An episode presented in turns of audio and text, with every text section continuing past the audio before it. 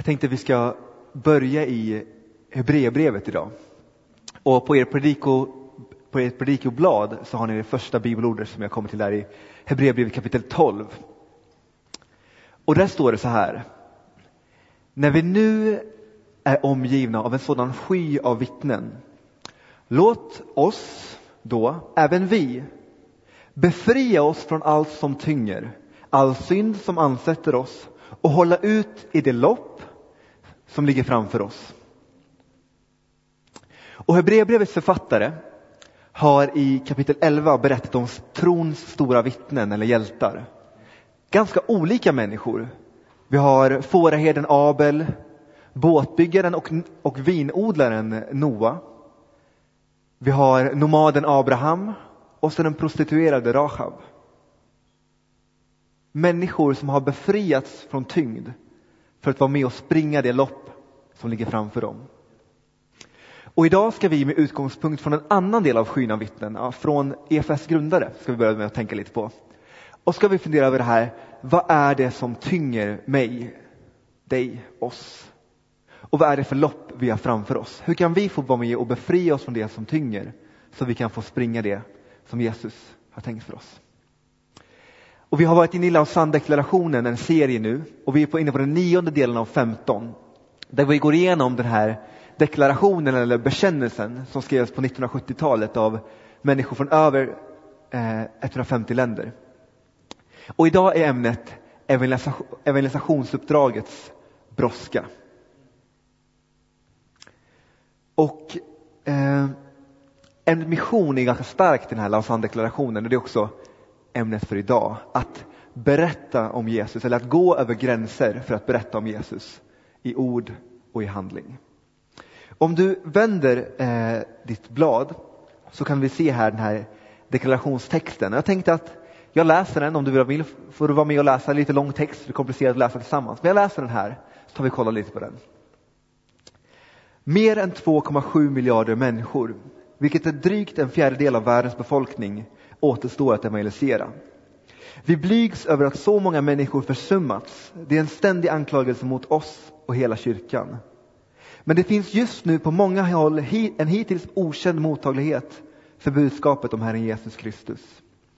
Vi är övertygade om att tiden är inne för kristna organisationer att allvarligt bedja för de oevangeliserade skarornas frälsning och initiera nya satsningar för att fullborda världsevangelisationen. En reducering av utländska missionärer och penningbidrag i ett evangeliserat land kan ibland vara nödvändigt för att hjälpa nationella församlingar att växa i fråga om självtillit och för att frigöra resurser till förmån för icke-evangeliserade områden. Missionärer bör ambulera mer rörligt från och till alla sex kontinenter i en anda av ödmjuk tjänst. Målet måste vara att med alla tillgängliga medel och på kortast möjliga tid ge varje människa tillfälle att höra, förstå och ta emot de goda nyheterna. Men vi kan inte hoppas att nå detta mål utan offer.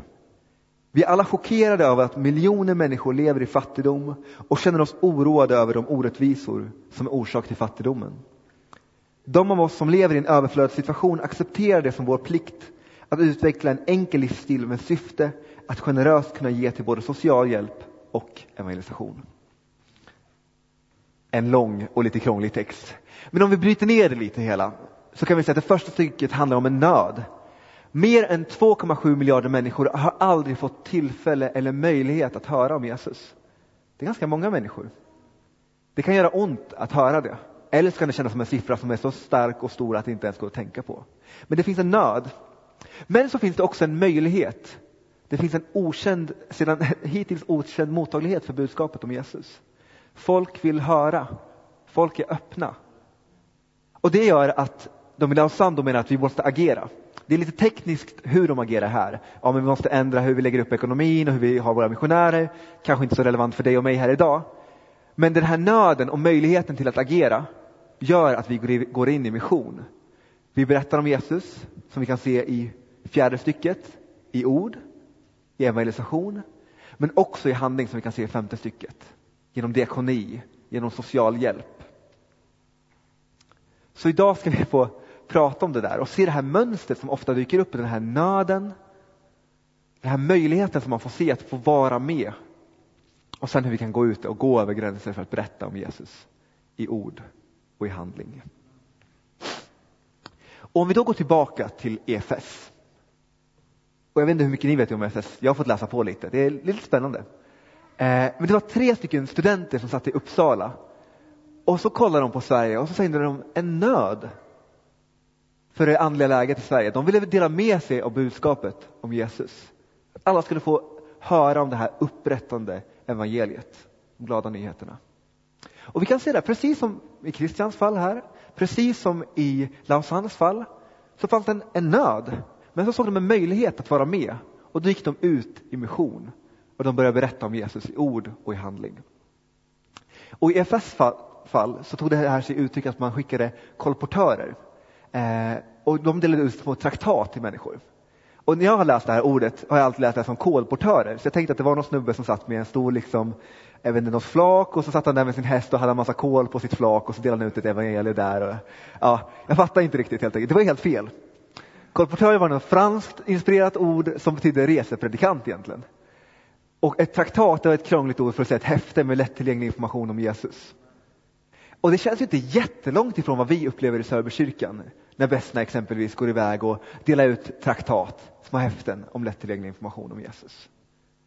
Och berättade för de som ville höra. De åkte runt i Sverige, kajkade runt. Och det möttes av en bubblande entusiasm. Man började med inre mission, precis som Jonas, vår församlingspräst, eh, vår församling, församlingspräst har berättat om. En mission inom Sverige. Men, men det fanns en sån respons att det är så här, vi måste åka ut. Vi måste berätta om det här för andra också. Så vi gick över ytterligare gränser. Vi åkte till Etiopien, Eritrea, Tanzania och berättade om Jesus i ord och handling. Och vi har fortfarande kopplingar dit. Det är någonting stort. Men allt det där ligger i det förflutna. De där tre Uppsala-studenterna, de har hittat sin plats, de kanske sitter här uppe, bland, sin, bland skyn av vittnen. De är inte här idag. De sitter och väntar på att Gud ska fullborda det som han påbörjade Jesus och som de fick vara en del av i sin tid. Men nu är tiden vår. Ska vi ta och se lite på varandra bara, liksom, vi som sitter. Vi kan kolla runt lite. Tänk att det är oss Hebreerbrevets författare talar till idag. Oss i Sörbykyrkan, vi är inte så många här idag just nu. Men ändå så riktar sig Guds ord till oss som församling idag. Det är ändå något stort. Och det är som att Jesus säger till oss, se på dem som har gått före. Bli inte rädda, inspireras. Och följ också ni med. Ta, ta min hand och följ med och se vad jag gör när ni följer mig. Men så går Hebreerbrevet vidare och berättar om det som tynger. då kan man fråga sig egentligen, vad är det där som tynger? Och Hebreerbrevets författare, han utgår från en bild av en amfiteater. Och det är som en stor Bern Arena eller Friends Arena, men lite, lite, lite äldre så. Och där så sprang man maraton, man sprang stora lopp. Och grekerna, de gamla grekerna och de gamla romarna, de är liksom grunden till vårt olympiska spel. Och man kan tänka att när man är grunden till någonting, då är man ju proffs. Men de hade en liten nackdel i jämförelse med oss. För de hade inga såna här byxor. Utan istället hade de tåga. Det är en liten bild här kan ni se på en tåga. Det är ett stort tyg som man svepte in sig i och man gick runt i och man såg väldigt fin ut i och väldigt proper i. Speciellt om man hade rakat sina kinder nyligen. Men det fanns en stark nackdel när det kom till idrott. Det är väldigt svårt att springa runt i massa tyg. Och Hebreerbrevets författare, han är mycket väl medveten om den här bilden om hur liksom idrottsvärlden ser ut på sin tid. Och han säger, ta bort allt det där som är i vägen för att ni ska springa. Bort med det som tynger, all synd som ansätter er, allting som hindrar er från att löpa ert lopp. Det där som finns i ditt huvud när du vaknar på morgonen. Eller som maler i bakhuvudet när du går och lägger dig och ska somna. Ja, oh, jag måste fixa det där. Åh oh, nej, det där. Hur ska det där gå? Det där som säger till dig att om du inte lever upp till de här kraven, om du inte gör det här perfekt, då har du ett mindre värde som människa. Jag har funderat mycket över det här med krav och liksom, vad är grejen med det där egentligen? Men jag tror att någonstans, så när Guds goda gåvor, blir grunden för vem jag är, då sker det någonting som blir fel. Då blir det för mig att stå här och predika, det blir ett krav. Och då måste jag predika perfekt, för annars så är jag inte riktigt den där predikanten som jag vill vara. Eller då måste jag vara en perfekt mamma eller en perfekt arbetskollega eller vad det nu är. Student. Jag måste leverera på topp. För annars är det någonting som säger till mig att, ja, men, hur går ditt värde som människa? Det håller inte riktigt måttet nu när du inte gör det där eller när du inte gör klart den här tentan eller vad det nu är. Jag tänkte vi kan ta och prata lite om, med varandra här. Vi kan ju använda varandra som en resurs. Så kan vi bara få ta några minuter och till din granne säga, men vad är det som kan tynga dig? Eller om det är lite för personligt, säga, vad kan man vara tyngd om? Vad kan, man liksom, vad kan det vara som snurrar i bakhuvudet? Vad är det som säger att du måste fixa det här perfekt? Eller så minskar du i värde, så minskar du i din egen, inför din egen blick. Ska vi ta någon minut och bara prata med varandra? Så kan vi se vad som händer.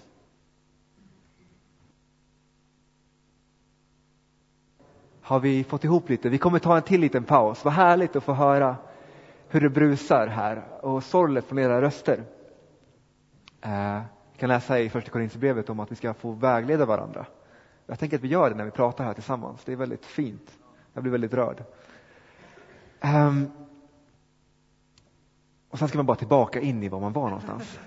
Um, och jag funderar mycket på det här med kraven och tyngden. Och om det kristna livet hade varit en tyngdlyftning eller någon balansövning, liksom, då tänker jag att då hade vi kunnat tänka att ja, upp med alla kraven och de här idealen och så ah, ska vi stoppa det här, här, perfekt eh, student och sen här perfekt kollega och så perfekt mamma, perfekt son, äh, det kanske inte går i samma person, men eh, och sen så högst upp perfekt lärjunge.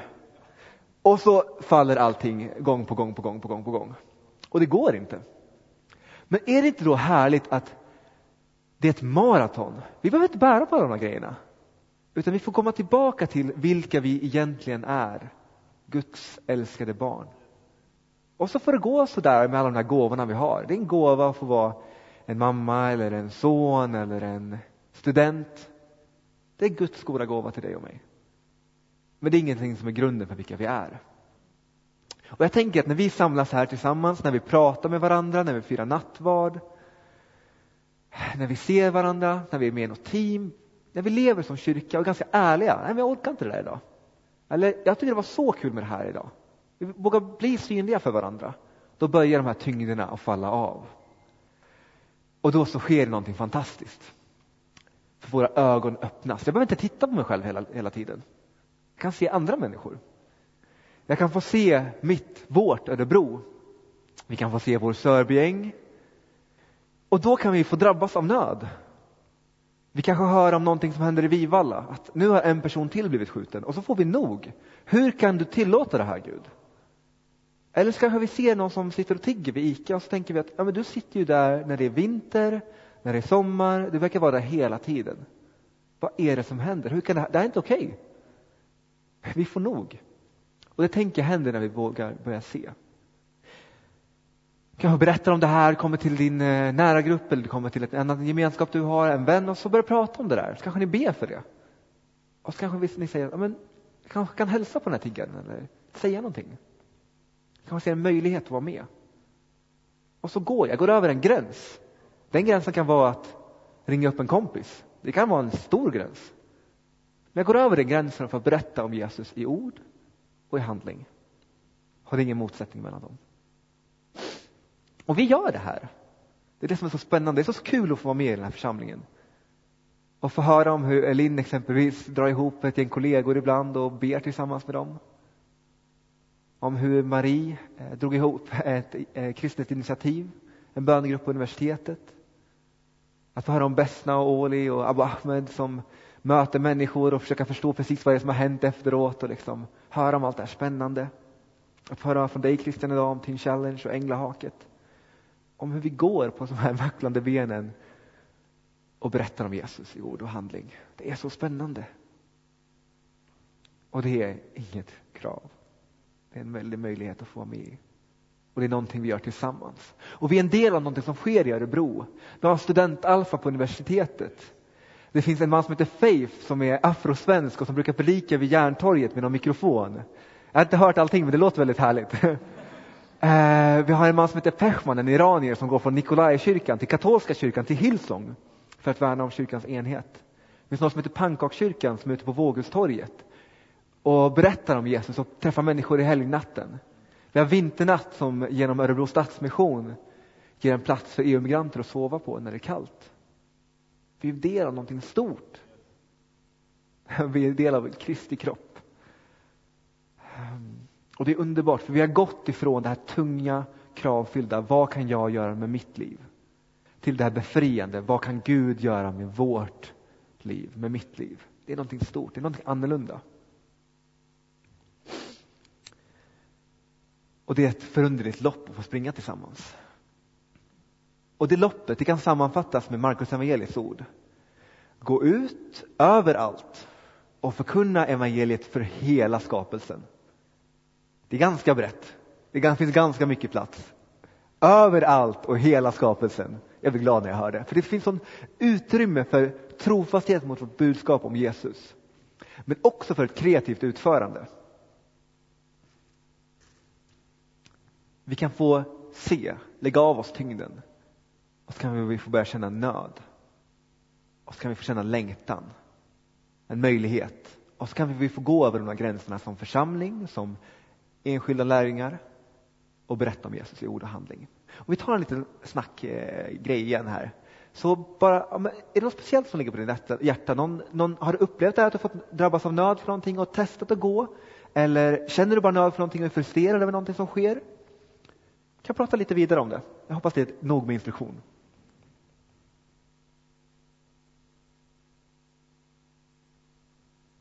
Vad bra. Vi kan fortsätta samtalen senare tycker jag vid lunchen. Eh, det finns mycket drömmar och längtan och nöd. Eh, det är väldigt spännande. Ja, något som har hjälpt mig när det kommer till här med mission och att möta människor och gå över gränser. Det är att gå från allt eller inget till något eller inget.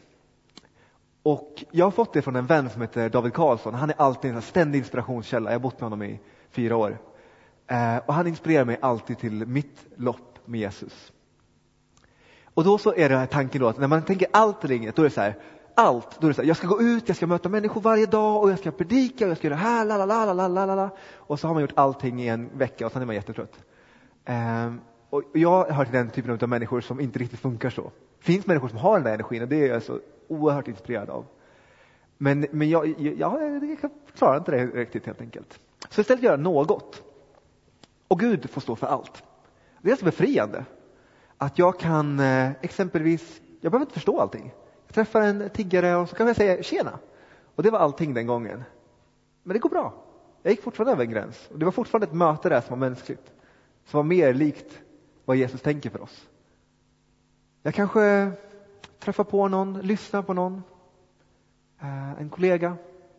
Ehm, jag kanske inte riktigt förstår en människas livsberättelse, men jag tittar ändå på personen och anstränger mig för att visa att jag är här, att jag är närvarande. Vi behöver inte göra allting. Vi behöver inte, vi behöver inte liksom fylla alla behov, alla krav. För det som händer när vi försöker göra det, är att vi gör det en liten stund och sen drar vi oss undan. Så om vi istället vågar stå för något i relation till varandra och till den här världen som Gud älskar så sanslöst mycket, så kan Gud förstå för allting. Och tillbaka till de här gamla grekerna då, till antiken. Så de löste det här problemet med sina kläder när de skulle springa maraton på ett lite speciellt sätt. De sprang nakna. Om ni tänker i den här stora amfiteatern, om ni tänker i Bern Arena, ni ska springa runt där, där inne det är liksom journalister där, det är hur mycket folk som helst där som ska kolla på er. Det är ett tufft lopp. Och så ska ni springa nakna. Jag skulle inte vara bekväm med det. Men ändå är det det Hebreerbrevets författare uppmanar oss till idag. Att springa det lopp som ligger framför oss. Den här missionen, att få dela Guds rike. Nakna. Det finns inga garantier om framgång. Det finns inga garantier om att jag kommer leva upp till massa ideal, att människor kommer tycka om mig hur mycket som helst, att jag kommer hamna på första sidan i tidningen Dagen eller Svenska kyrkans tidning. Det finns inga sådana garantier. Istället får vi springa i tro. Som de här trons vittnen, som i Hebreerbrevet 11. Som EFS grundare, som den prostituerade Rahab. Vi får springa i tillit till Fadern. Med tillit till Fadern som syret i vårt blod som ger oss kraften att fortsätta. Han ger oss vad vi behöver. Och ingen har gjort det här som Jesus Kristus. Han är den stora missionären. Han går över gränsen mellan Gud och människa. Den här enorma gränsen som synden har skapat när han föds i julen. Och han låter oss gå över gränsen och han sliter sönder eh, förlåten i templet. Och vi får träda in i det allra heligaste. att kalla vår Gud för vår pappa. Var fria där. Det gör han i påsken. Jag vet inte om ni har tänkt på det här, men i påsk och i jul, när Jesus sliter sönder, sönder universum och går över de största gränserna som går, då är han naken. Han föds naken, han dör naken. Han lever inte upp till idealen som kung. Han föds inte i ett palats och han blir inte krönt på en tron. Han föds bland de fattiga. Han föds smutsig. Han föds bland djur. Och han blir upphöjd och krönt till konung när han hänger på sitt kors. Det är sjukt konstigt och oerhört underbart. Så när vi följer med Jesus så kommer inte det hända som vi förväntar oss. Vi kommer att bli överraskade. Jag hade inte trott att jag skulle stå här i Sörbykyrkan och predika för fem år sedan. Och jag är överväldigad över att få följa med. Och det är honom, Jesus, som vi tillber. Som röjer vägen för dig och mig när vi går över gränser. Och som är vår trygghet. Och som är vårt hopp. Vi ber tillsammans. Om du vill får du jättegärna stämma in i den här gemensamma bönen som är längst ner på dagens predikoblad. Jesus, tack för att du gått före och visa på ett liv i total tillit till Fadern. Tack för att du röjer varje väg, går före i varje steg när jag vacklande eller jublande går över en gräns för att berätta om dig i ord och handling. Befria oss från allt som tynger så att vi tillsammans kan springa det lopp som du har förberett för oss äventyret att få dela ditt evangelium. Amen.